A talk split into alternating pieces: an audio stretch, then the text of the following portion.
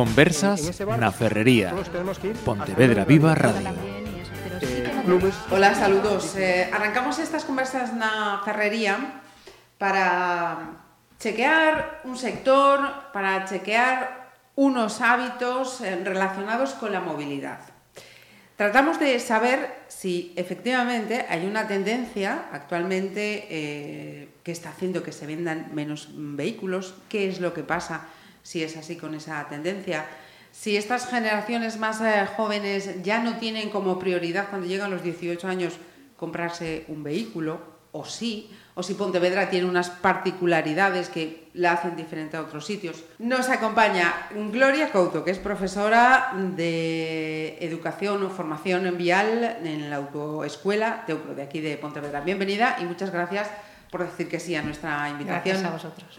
También eh, se animó a participar en esta charla Íñigo Bellido, que es gerente de Bepersa. Bienvenido muchas gracias también. Muchas gracias a vosotros. Y eh, Alicia Sainz y Andrés Numerato, ya me he enterado yo de dónde viene este apellido, son eh, dos jóvenes pontevedreses que en vuestra tesitura, los dos, estáis sacando el carnet de conducir, ¿no? Sí, así es. Sí, así es. Pues con ellos vamos a tratar de hacer un, un diagnóstico de, estas cuestiones. Lo primero de todo, la venta de, de vehículos. Según los datos que yo he extraído de, de Faconauto, eh, el sector arrastra 10 eh, meses en la caída de matriculaciones. ¿Esta tendencia, Íñigo, se está cumpliendo aquí en el caso de Pontevedra? ¿Somos una isla? ¿Qué, qué nos puedes decir? No, no, se cumple y a rajatabla. Empezamos un poquito más tarde, no el primer mes, pero llevamos pues ocho meses de caídas entre el 15 y el 20%, que es la tónica de España y de Galicia. Uh -huh. O sea, hay una incertidumbre en el comprador de coches por, por pues incluso por palabras políticas, porque hubo una ministra que comentó un día que el diésel iba a dejar de usarse en España por la contaminación y desde ese día eh, las ventas hasta, han estado cayendo eh, pues sin pararlas todavía, a pesar de, a pesar de, de intentar todo el mundo, eh, no sé, como diría, esas palabras, pues ponerlas un poquito más en contexto y explicarlo, pero no, no, no ha conseguido el sector remontar todavía. Ajá. En cualquier caso, sería el, el, peor de los momentos. Ha habido momentos eh, bastante peores. Con no, ha habido momentos crisis. muchísimo peores, vale, muchísimo. Perfecto. O sea, yo creo que en España se han vendido en los momentos malos 700.000 coches al año y este año vamos a pasar del millón 100, millón 200. O sea que uh -huh. ¿eh? los buenos fueron millón y medio, millón 600.000. pero bueno, a eso va a ser muy difícil llegar. Y, y si vamos a las eh, autoescuelas, eh, Gloria, en vuestro caso, eh, pasa como en el sector de, de, la venta, hay menos matriculaciones, eh, se mantiene, ¿cómo está la cosa? A ver, yo el, digamos que la, el problema lo vi hace como eh, 2009, 2010, fue cuando empezó a raíz del, pues de la crisis. Ajá. Y ahora, bueno, en estos últimos años sí ya hemos ido remontando un poco y la verdad la tónica habitual de años anteriores. Uh -huh. Quizás este año también ha cambiado, bueno, la selectividad ha cambiado también, eh, porque ahora pues la, la, que antes se hacía en septiembre, mm, para los alumnos uh -huh. que suspendían en, en, junio, pues ahora se hace en julio, con lo cual eso también ha hecho que cambie un poco, sí, que esté un poco extraño, sí. Ajá. La, ¿Las edades siguen siendo principalmente ellos los más eh, jóvenes? Sí, sí. O... sí. De hecho, ahora hay también muchas matrículas para el permiso A1, por ejemplo, uh -huh. que es el de motos de 125. Uh -huh. Y también sí que se está dando esa... Esa demanda, sí, de, esa demanda sí. de, licencias. Chicos, en, en, vuestro caso, eh, ¿sacarse el carnet de, de conducir, por qué? Para tener mayor accesibilidad a llegar a la ciudad. Mm. O sea que es una cuestión de necesidad. Vosotros veis que en vuestro día a día, para los lugares a donde tenéis que ir, necesitáis el vehículo. Sí. Uh -huh. Andrés. Sí, y ahora en verano también, para ir a la playa, ir a otros sitios, porque nosotros vivimos bastante lejos de, de la ciudad y de todos los medios, uh -huh. y bueno, hace falta. Y aparte, ahora en verano también están limitados los autobuses, entonces tenemos menos accesibilidad uh -huh. que antes que durante el curso teníamos buses para bajar por la tarde y así, o por las mañanas, si querías quedarte un poco en casa y querías bajar a las 12, había un bus. Pero es que ahora mm, yo me perdí totalmente los horarios, está horrible. Andrés, a ti te pasa igual también. Vivías del autobús o a expensas de los horarios del autobús y te encuentras ahora en verano que, que no te puedes. Claro. ¿Desde cuando lleváis sacándose el carnet? Voy a pillaros a ver si sois buenos o malos. ¿Cómo va la cosa? Yo llevo tres semanas. ¿Tres semanitas? Bueno, acaba, acaba de empezar, ¿no, Gloria? Sí, sí. ¿Y Andrés? Yo empecé hoy. Oh, vale, vale, vale, vale, Vamos. No habrá sido por esta tertulia, habrás dicho, oye, si voy, yo me matriculo. Bueno, pero tú empezaste ya el año pasado. Bueno, el año pasado me empecé a sacar el 125 de moto. Ah, mira, que decía. pero bueno, al final no lo saqué. Al final te quedó ahí asignatura. Cachis. cachis. Eh, volvemos al tema de, vehículos. Eh, este mismo mes de julio, la Junta anunciaba ese plan de renovación del parque de, vehículos con ayudas a, esa compra que, si no me equivoco, es una, demanda que el sector en general estaba, estaba haciendo, ¿no? Sí, o sea, ya hace años tuvimos un plan Prever, se llamaba, eh, que nos ayudó a, vender, a a los coches más antiguos, a chatarrarlos y poder vender coches nuevos a cambio de estos. Eh, había una normativa un poquito más, más flexible y, la gente hacía hacíamos de trileros, que era entregaba el coche de otra persona, que cogías en un desguace o lo que sea, entregabas una documentación y se daba de baja. Hoy en día ya no se puede mentir. El coche tiene que estar en, en poder del propietario un año como mínimo, tiene que ser un coche con la ITV pasada y un coche con más de 10 años.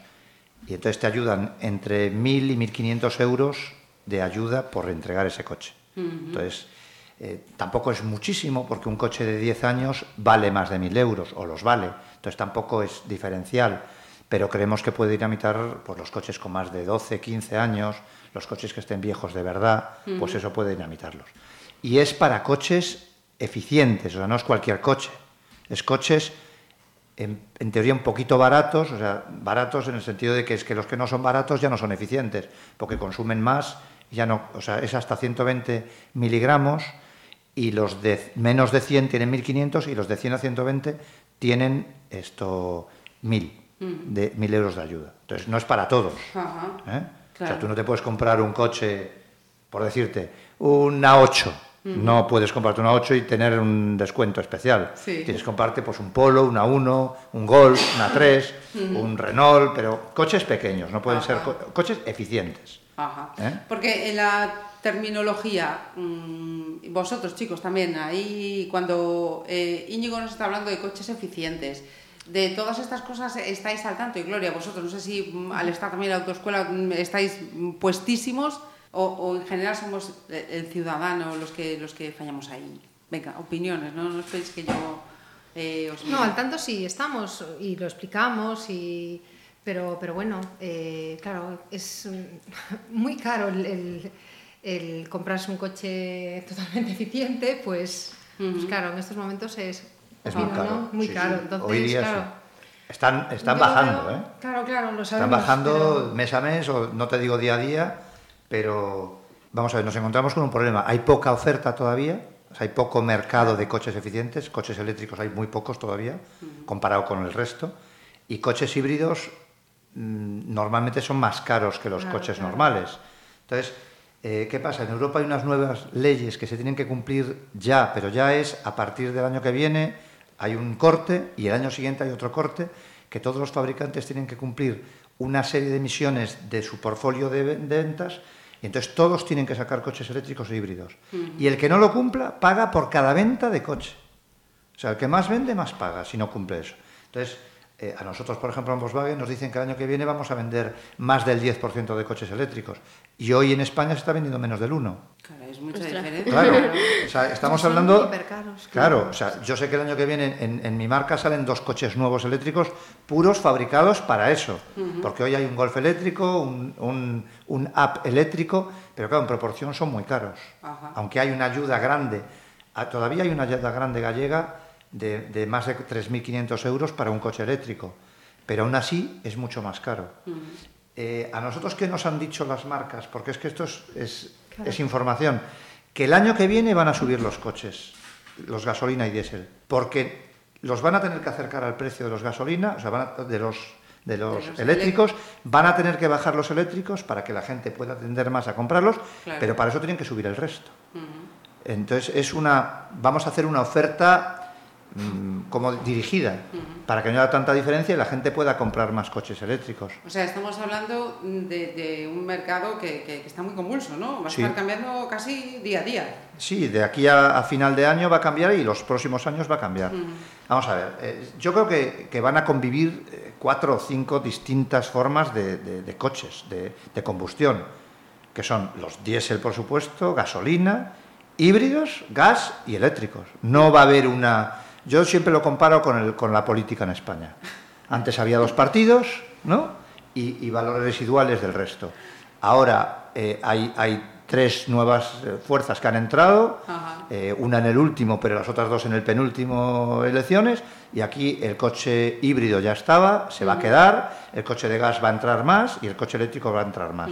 Y eso lo van a perder los diésel de gasolina. Pero es que hablar del diésel, de que se deja de fabricar, están hablando del año 2050. Un chaval de 17 años que quiera comprarse un coche hoy en el 2020 no le preocupa el 2050. Claro, claro.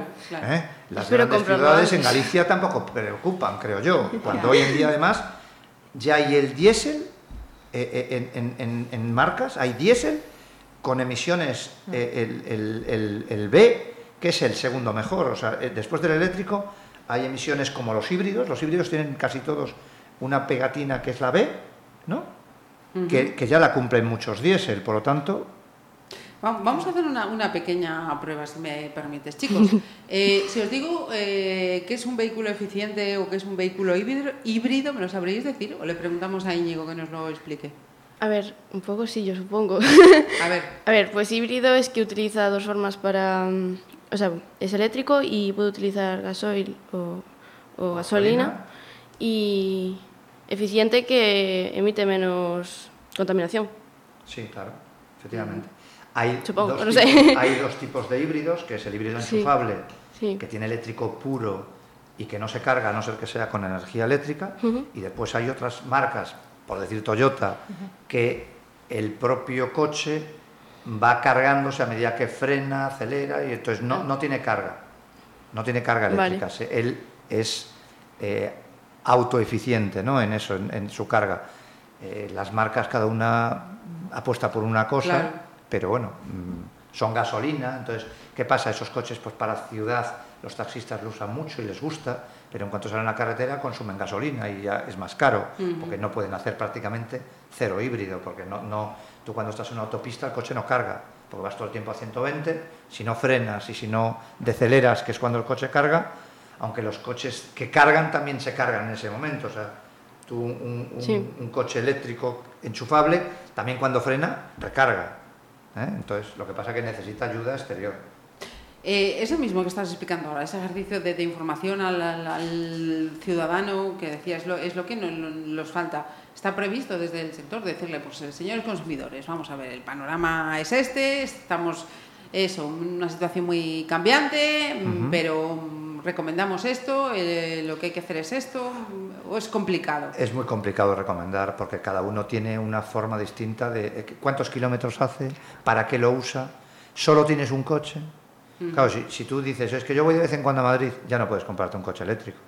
Y el híbrido tampoco tiene mucho sentido, porque normalmente el híbrido eh, después consume más en carretera. Entonces, si, vas a hacer carretera, ahora, si dices, voy a hacer 100 kilómetros al día y después tengo un coche en mi familia para viajar, yo te lo, yo te lo aconsejaría un coche eléctrico puro, que no le tuvieses miedo. ¿Qué pasa? Tienes que tener sitio donde cargarlo. Claro. ¿Eh?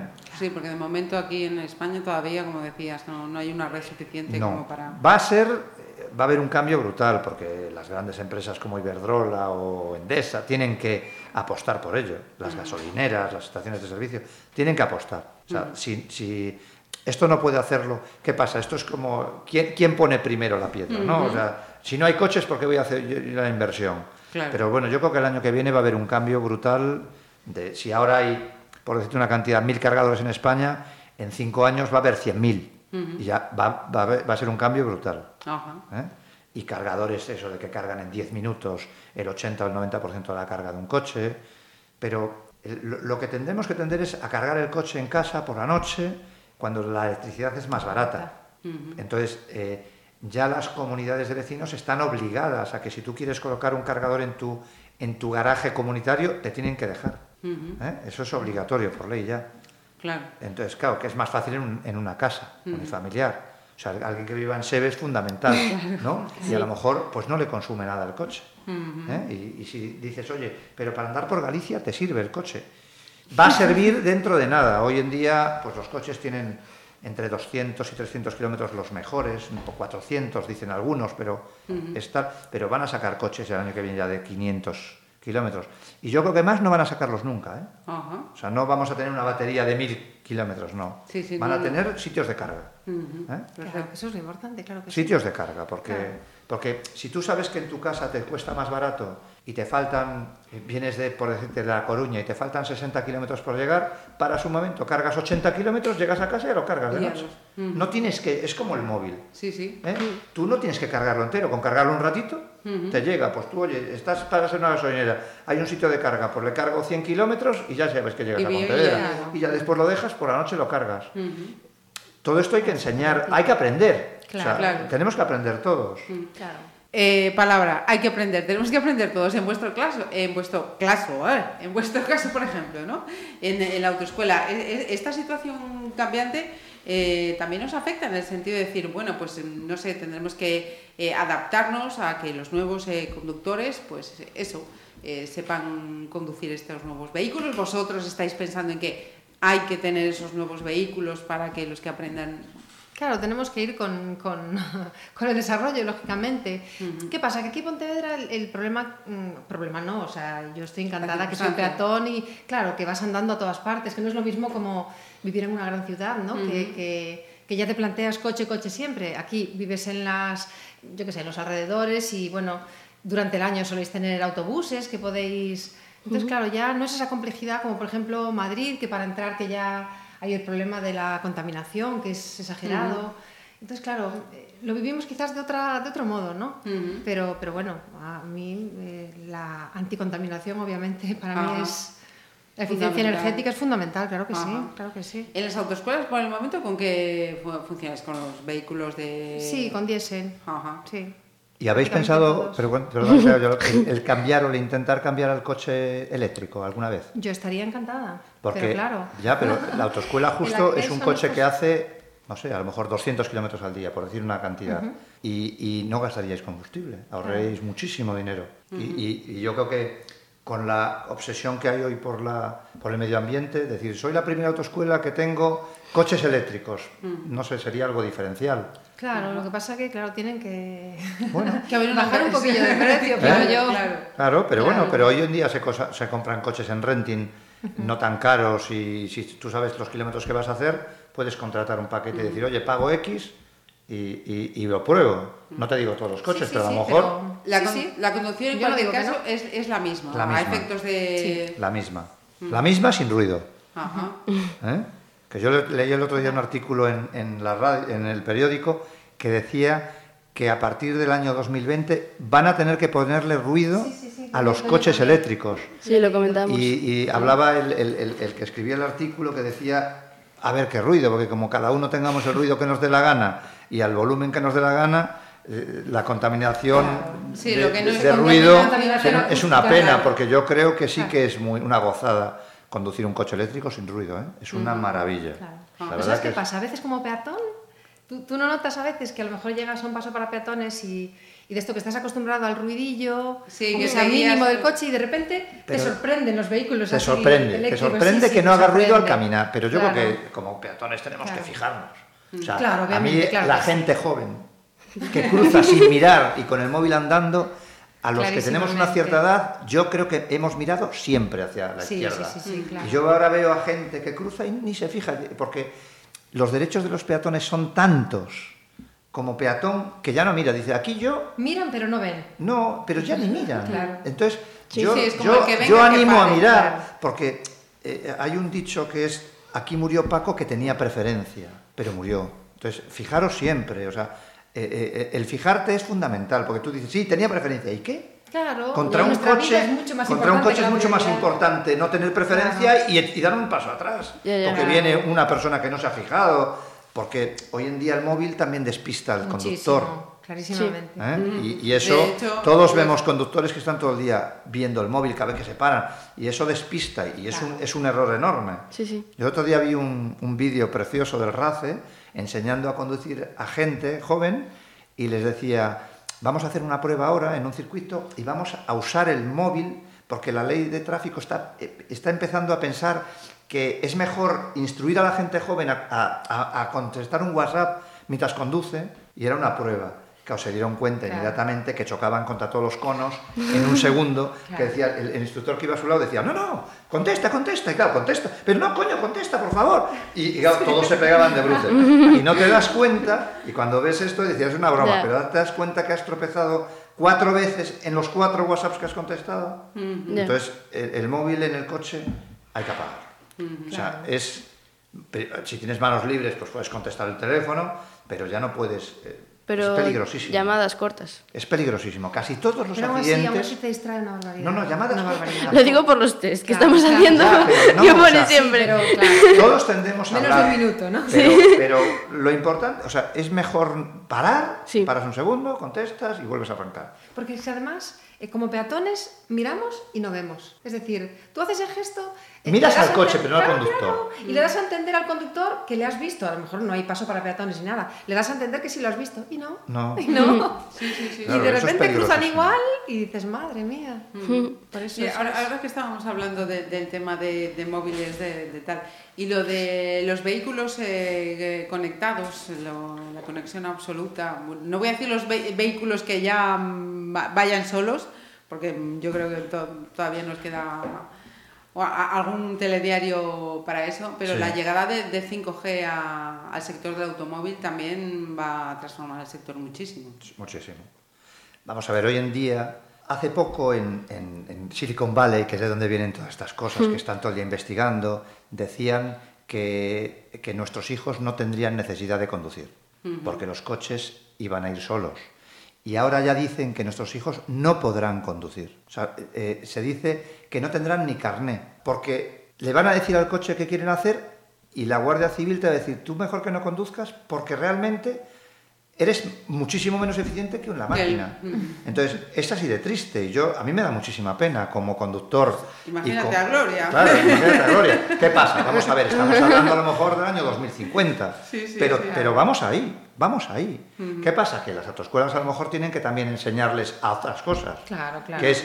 ¿cómo le dices a un coche dónde quiero ir, dónde quiero parar? O sea, esas instrucciones hay que darlas. claro que Entonces, la tecnología todos tendremos que aprender. Yo creo que todos vamos a tener que evolucionar mucho. ¿Qué pasa? A los jóvenes les va, a co- les va a ser más fácil.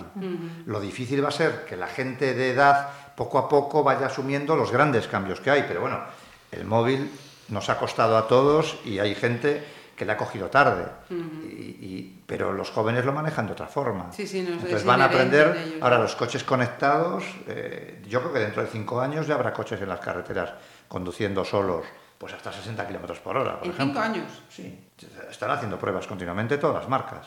O sea, ya hay coches andando solos por las calles, Sí, sí, haciendo pruebas.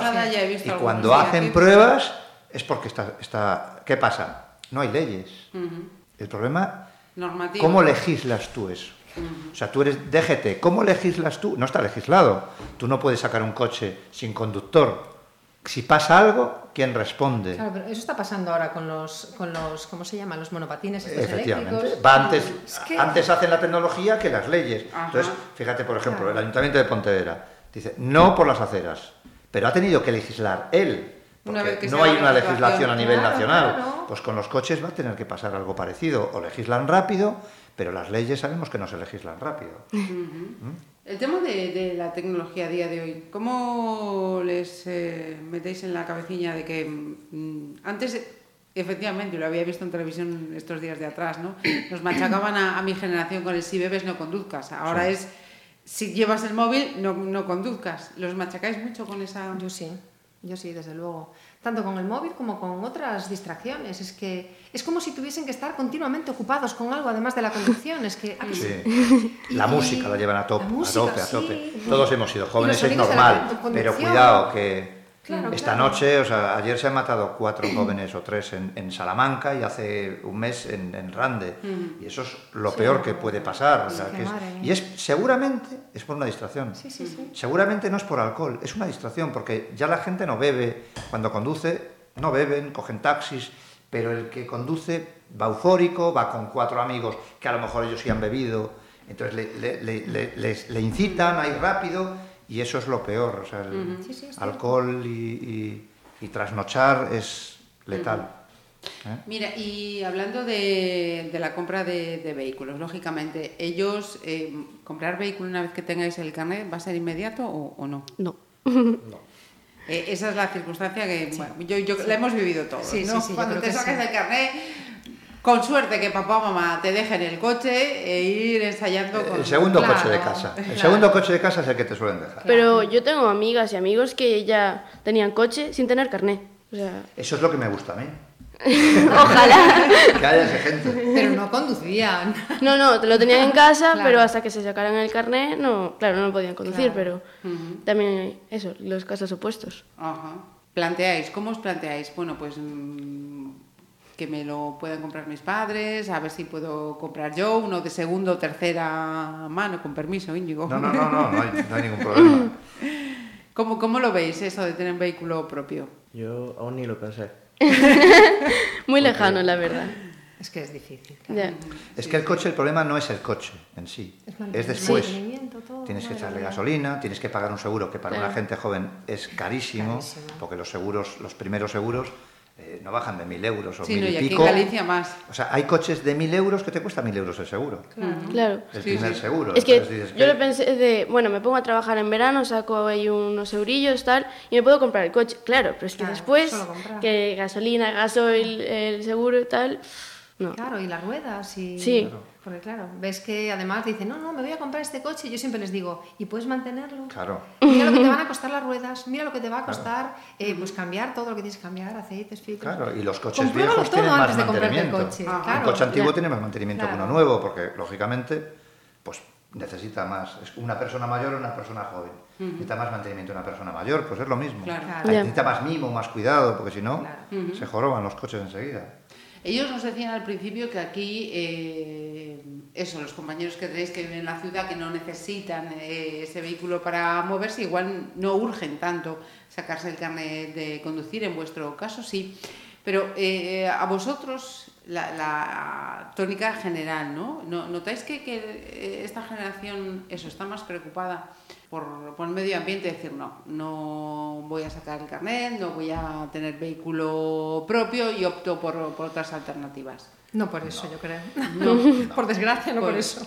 Vamos a ver, yo creo que compran un móvil antes porque tienen acceso Claro. a él, porque un móvil tiene un precio que entre que te ayudan tu padre, ahorras un poco, eh, te dan un regalo de cumpleaños, pues tienes acceso a un móvil. A un coche no puedes hacer eso. Y pues el móvil no tiene mantenimiento. Claro, claro. Entonces, y, y- y tienes mucha información, pero yo creo que todo el mundo quiere tener un coche. Por eso ir a la playa, salir cuando tú quieras, eh, no sé, pues ir un día Ya, a, para a hacer una excursión, o sea, eso siempre apetece. Mira que Pontevedra nos lo pone difícil el, el- el gobierno local con la petrolización a los que vendemos coches. Sí. Y yo estoy encantado con ella, porque la gente sigue necesitando coche. Y que el centro sea poco accesible, a mí me encanta que tenemos una ciudad maravillosa en que se puede caminar, en que el coche se necesita para salir de ella, no para entrar, y que, oye, que la gente lo deje en parking, hay parking disuasorios, y aquí eh, eh, poco ruido, por eso yo digo que ponerle ruido a los coches eléctricos me parece una, Claro, claro. vamos, un- una idea poco acertada. ¿eh? El tema, eh, sobre todo, con permiso de los, más, los más jóvenes, ¿qué, qué media eh, de número de vehículos eh, tenemos aquí en, en Pontevedra? ¿Eso lo tenéis eh, calculado? Vamos a ver, en, en mi zona de influencia, que es el norte de la provincia, desde, desde Redondela hacia el norte, se venden unos 400, 500 coches al mes. Cua- entre 4.500 y 5.000 al año, nuevos, nuevos. Y después, pues otros tantos usados, que cambian de mano. Entonces, Usados. sí. ¿Y podré- tendrías así un, ba- un baremo por familia? Pues imagínate, pues por eh, familia viene a ver pues, dos coches o... mm, Uf, es difícil medirlo Sí. así. Sí, Ujú. es difícil medirlo. Ajá. Claro, lo- Pero lo- vamos, en- eh, es muy raro un coche hoy en una familia. Un solo coche es muy raro. Porque como trabajamos normalmente los dos, ya necesitas dos coches. La media son dos coches, yo creo. Sí, creo sí, que sí. Dos por familia. Sí. Ajá. Dos hasta que los hijos lo son mayores de yo. edad. Claro. Claro, por eso Después decía, empiezan a vosotros en aumentar. la escuela podéis de tener así una idea de, pues Claro, eso, sí, sí, mi sí. madre tiene su coche, mi padre Sí, tiene su por coche. eso. Claro. Ajá. Yo, por ejemplo, tengo un tercer coche porque mis hijos tienen 22, 21 y 18. Entonces tengo un tercer coche que comparten todos. Y era el antiguo de mi mujer. Claro, es o sea, no, pasar, Sí. claro. claro, no puede ser que le compres un coche nuevo a ellos y, y tu mujer se quede con uno antiguo. Creo que es más acertado. Tampoco hay que comprarles un coche malo, porque a mí cuando me dice alguien, oye, eh, búscame un coche ahí de mil euros para que mi hijo se desbrave, digo, no, olvídate de mí. mate. Claro, para que se mate. Son No. coche, un coche de más de 10 años tiene menos medidas de seguridad. Claro. Y está más viejo, frena peor, acelera peor, eh, eh, no tiene los sistemas de seguridad que tienen los coches nuevos. Entonces, comprarle una bomba a un joven, yo prefiero que no. Prefiero decirles que no cuente conmigo. Sí, sí, que sí, se compre un coche nuevo de la marca que quiera o, o un segunda mano de menos de cuatro años, algo que esté actualizado en los sistemas de seguridad. Claro, yo es lo que digo yo, por ejemplo, es que, es que esta marca, es que este coche es que es tan bonito, y es que le digo yo, pero tú has visto lo que consume, pero y, y- y después eh, que, que- que es muy importante pues que tenga ABS, que tenga un control de estabilidad, que en caso de, de- Claro. de- o sea, que puedas controlar tu vehículo en caso de, de- cualquier situación de emergencia. Para mí eso es muy importante. Claro. Más que, pero 18 años, Claro. 19. Pero es que hoy hay coches que, que frenan. Yo ya tengo coches, y me imagino que otras marcas también, que vas de Pontevedra a Sanjenjo por la carretera y no tienes ni que acelerar ni que frenar. Le pones que vaya detrás del de adelante y, que, Y ya la está, que mantenga la distancia. Y paras en las rotondas, cuando acelera, acelera, cuando frena, frena. No tienes que hacer nada. ¿eh? Y es comodísimo, porque claro, tampoco pegas frenazos, ya lo hace él tranquilamente. Sí, sí, no pegas sí. acelerones, vas mucho más relajado. ¿eh? Y entonces esos coches pues tienen medidas de seguridad que un coche antiguo no lo tiene. Veo poco, Gloria, que también sois un poco como asesores. Una vez que ya tienen el, el carnet, a ver, chicos. a No, ver. antes, eso es Antes. antes, sí, sí, claro. Eso es durante la formación. Ajá. Pero claro, porque ves que los perfiles, ¿no? Que, bueno, los estudiantes no tanto quizás, pero, pero bueno, eh, sobre todo los que ya a lo mejor dejan de estudiar y que sí, sí, la tendencia es a comprarse coches potentes y que sean de segunda mano, no importa, pero yo, pero sí es muy, muy importante la seguridad, muy importante. Es que eso, en eso hay que hacer muchísimo hincapié, porque, porque es eso, son 18 años y, y que, que a veces nos dicen, ¿están influenciados por la publicidad? Te preguntas, no, clarísimamente, es que, ¿verdad? Sí. Claro, es que la seguridad es súper importante para Sí, mí. estamos hablando sí. de a final de vidas. claro. Sí, sí, sí, de vidas, efectivamente. Entonces a veces le pones eh, casos así, un poquito extremos, ¿no? De situaciones. A mí no me va a pasar. A mí no me va a pasar. pero claro que no te Te va a pasa, pasar si pasa. tú no. Claro, claro. Efectivamente. Nosotros hacemos todos los años eh, un curso de conducción de Audi en el, en el cartódromo de Valga y la gente que va, que es una- un curso de tres horas, viene encantada porque tú a un chaval joven o a cualquiera le dices, ponte a 100 kilómetros hora y frena. Entonces frena, digo, no, no, frena como si hubiera un muro, pero un muro de hormigón, frena. Entonces, la segunda vez frena un poco mejor. La tercera frena muchísimo mejor. Pero la cuarta frena todavía mejor todavía. Y el, el problema es que tú no vas a tener una segunda oportunidad. Claro, efectivamente. Entonces, el- después ensayas y, y les enseñas lo que es un ABS y no, frenado en mojado. Y cuando tiene ABS, el coche sigue recto, y cuando no tiene ABS, le, le hace un trompo. Y dice, ¿pero cómo? Sí, sí, no eres capaz de controlarlo. Le enseñas el control de estabilidad, que en una curva el control de estabilidad, si tú te equivocas, él te mete en la curva. Y eso se lo enseñas cómo funcionan. Entonces, eh, eh, esas pruebas parece que no, pero la gente sale conduciendo un pelín mejor, pero es que un pelín es muchísimo. Sí, sí, sí, porque sí, no tienes una segunda oportunidad, te digo, en una caravana el clavar el freno cuando te vas a dar no es decir, bueno, yo creo que freno, no, no, frena, tú frena. El coche no se va a romper con Sí, que sí, tú sí, frenes. sí. El que se va a romper es como no frene. Que Efectivamente. ¿Eh? Claro, y si tú tienes un coche con, tecnología, tienes que saber cada cosa que tiene tu coche, para qué, cómo te va a ayudar, porque es que ese es otro problema también, Sí. que tienen un montón de tecnología en, en- en sus automóviles y dices, yo no sé para qué es eso. Tengo 120 botones, pero yo qué sé para qué sirve esto. Es que no puede ser. Claro, eh, sabes, sabes conducir, pero no sabes controlar el vehículo. Claro, igual, claro. ¿no? Que tienes, Uf, mi coche. No sabes aprovecharte de la no, tecnología. Justamente, aprovecharte. Efectivamente. aprovecharte. Que hoy en día Claro. pues hay coches que, que te guían por las líneas, por ejemplo. Eh, Ellos solo te corrigen la trazada. Tú vas eh, y él ya gira. Es un poco incómodo al principio porque dices, coño, ¿qué pasa? ¿Me está mandando? Sí. Pues sí, te está mandando porque vas haciéndolo mal. Claro. ¿eh? Y, y vas en la autopista, pues por ejemplo con niebla, es una gozada llevar el control de distancia, porque él lo detecta, tú no. Ajá. Él detecta la, la distancia con el delante, entonces frena solo. Y tú cuando vas en autopista, pues vas a Madrid, que son muchos kilómetros, que te puedes despistar en cualquier momento, le pones que vaya a 120 y el tío ni se pasa, pero cuando encuentra un coche a 100, para. Y dice, bueno, pues si lo quiero acelerar, me voy a la izquierda, pongo intermitente, sigue. Pero si no, para. Se pone a 100. de- de- de- de- entonces, y, y sin hacer nada. Y eso es una gozada. Eh, Claro, en el primer día Andrés no tocó todavía el coche. Claro. Seguro. ¿Y eh, a ti en Alicia. este tipo todavía no? No, todavía no te has tampoco. puesto al, al volante. No. ¿Hay nervios para ese Sí. momento? Sí. Bastante. ¿Por? ¿Por la novedad? ¿Por...? eh, No sé, me da miedo chocar o algo, o coger a alguien, yo qué sé. Pero mira, a mí me decía el otro día mi hija, papá, cuando vayas a la autoescuela, antes quiero, enseñar- quiero que me enseñes tú a conducir. Digo, Sí. estás equivocada. Ya, Dice, ya "Pero me es que me da vergüenza. Digo, pero vamos a ver. Primero, el de autoescuela es lo que hace. Es lo que hace. Después tiene una cosa fundamental, la experiencia. Y otra, que es que tiene unos pedales de freno, de aceleración también, ¿no? Y Claro, de, y de todo. embrague. Que yo no tengo. Claro. Entonces, la autoescuela, tu padre tiene si tú te equivocas, si tú te equivocas, frena la autoescuela.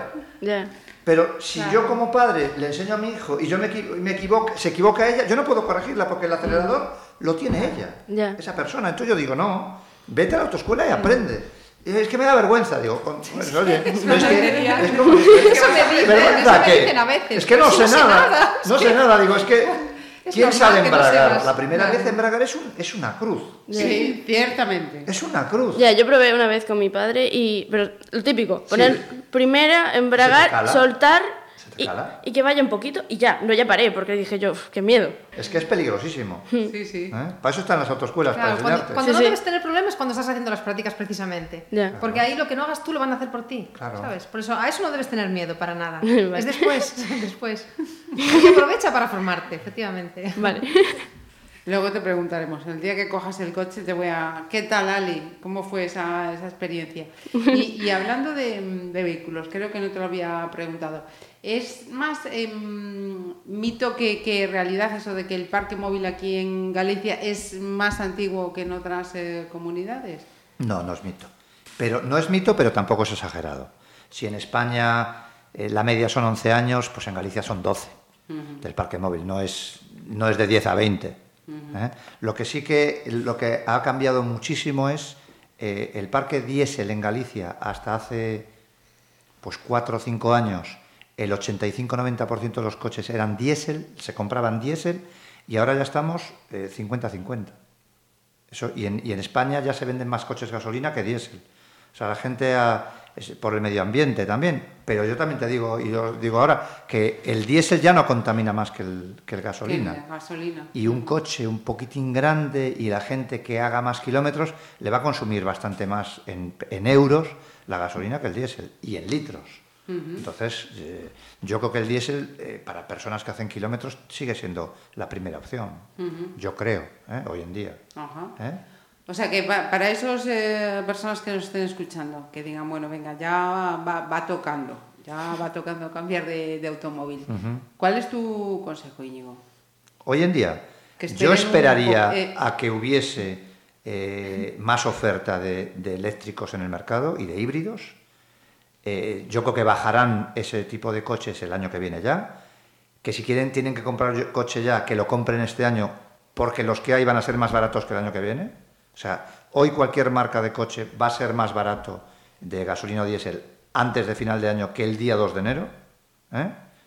Y, que si quieren comprarse un coche porque tienen miedo a fallar, que, hay ofertas de financiación a dos años, a tres años, que tampoco se van a equivocar mucho. Hay renting a dos o tres años, hay ofertas de estas que te dicen el valor residual del coche a dos o tres años, que por lo tanto pagas una cantidad pequeña y después el coche lo dejas y te olvidas, o aplazas la decisión.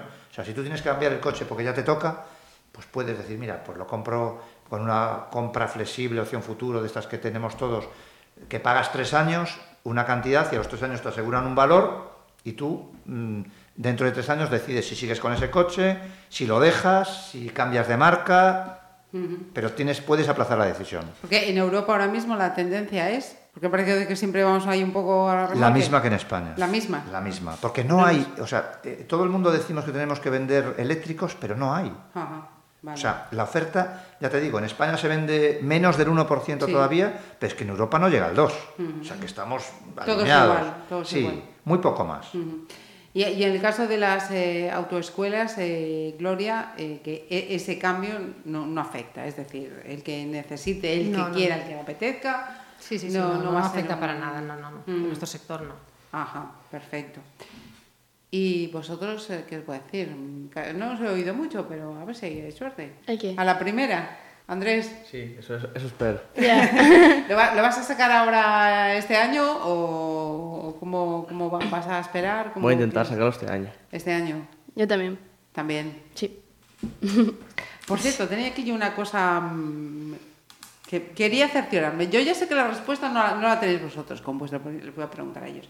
Yo sé que la respuesta no la tenéis vosotros, pero concesionarios, híbridos, eléctricos, diésel, gasolina, los seguís vendiendo con intermitentes. Y los intermitentes funcionan, ¿no? Por supuesto. Vale.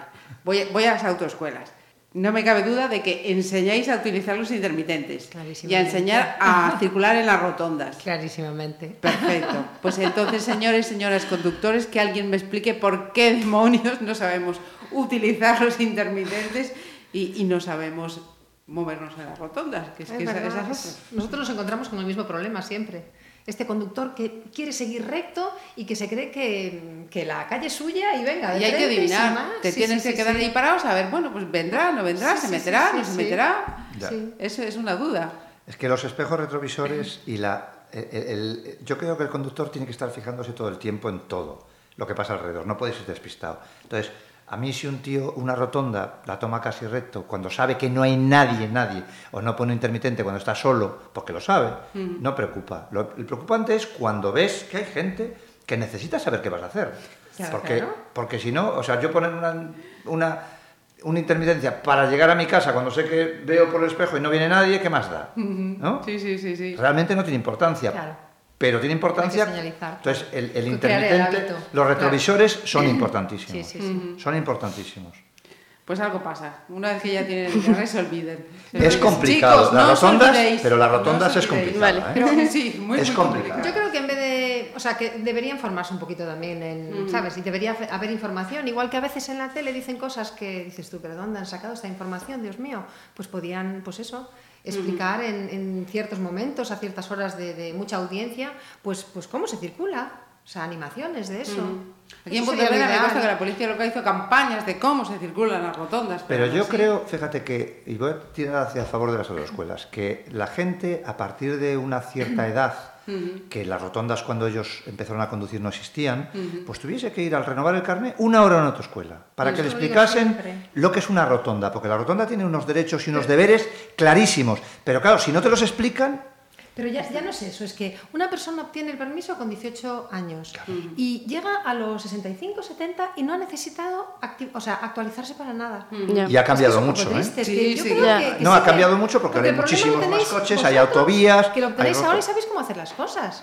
Ya. Y, y claro, estas personas que por encima se creen que... Que si yo llevo razón. X años conduciendo, ¿cómo no voy a saber yo? Claro. ¿Cómo no voy a saber? Exacto. Y no, no sabes, no Ajá. sabes. No claro. sabes, no tienes ni idea de, de- de- Claro. En las rotondas muchísima gente lo hace mal porque no tiene ni idea quién tiene preferencia, quién no, por dónde tienes que ir, quién tiene Claro. preferencia al salir, al entrar, sobre todo al salir. Una vez que estás dentro ya te crees que eres el... ¿eh? Y, y- y- y sales, sales de dentro hacia afuera sin pensar si viene otro, si no. Esas cosas son complicadas pero debían enseñarse. Pues mira, ¿ves? Desde el sector venta de automóviles, hay ese capó de las autoescuelas que me parece efectivamente muy lógico. Sí. Así como hay eh, cursos eh, de reciclaje Claro, y de claro. actualización de tal. otras cosas, esto es fundamental. Sí, Todos sí. estamos en la carretera y necesitamos sí. estar actualizados Cuando se y conocer los las normas. mismo, hacer claro. un, un examen. ¿no? Si hasta los Que se 65, actualice. cada 10 años, es que es Sí, sí. una vez cada Mucho. 10 años sería. Sí, además es fenomenal. una hora, en una hora Mm. Claro. Sí. que haber eso. Sí. Pues eh, Gloria, Íñigo, Alicia y Andrés, muchísimas gracias a todos por vuestro tiempo y haber compartido este tiempo de charla. Gracias a ti. Venga, A muchas ti. gracias. Gracias. Pues, eh, los árbitros. que los árbitros Sí, hemos sido varias veces campeonas gallegas me gustó mucho porque Conversas na Ferrería. Pontevedra Viva Radio.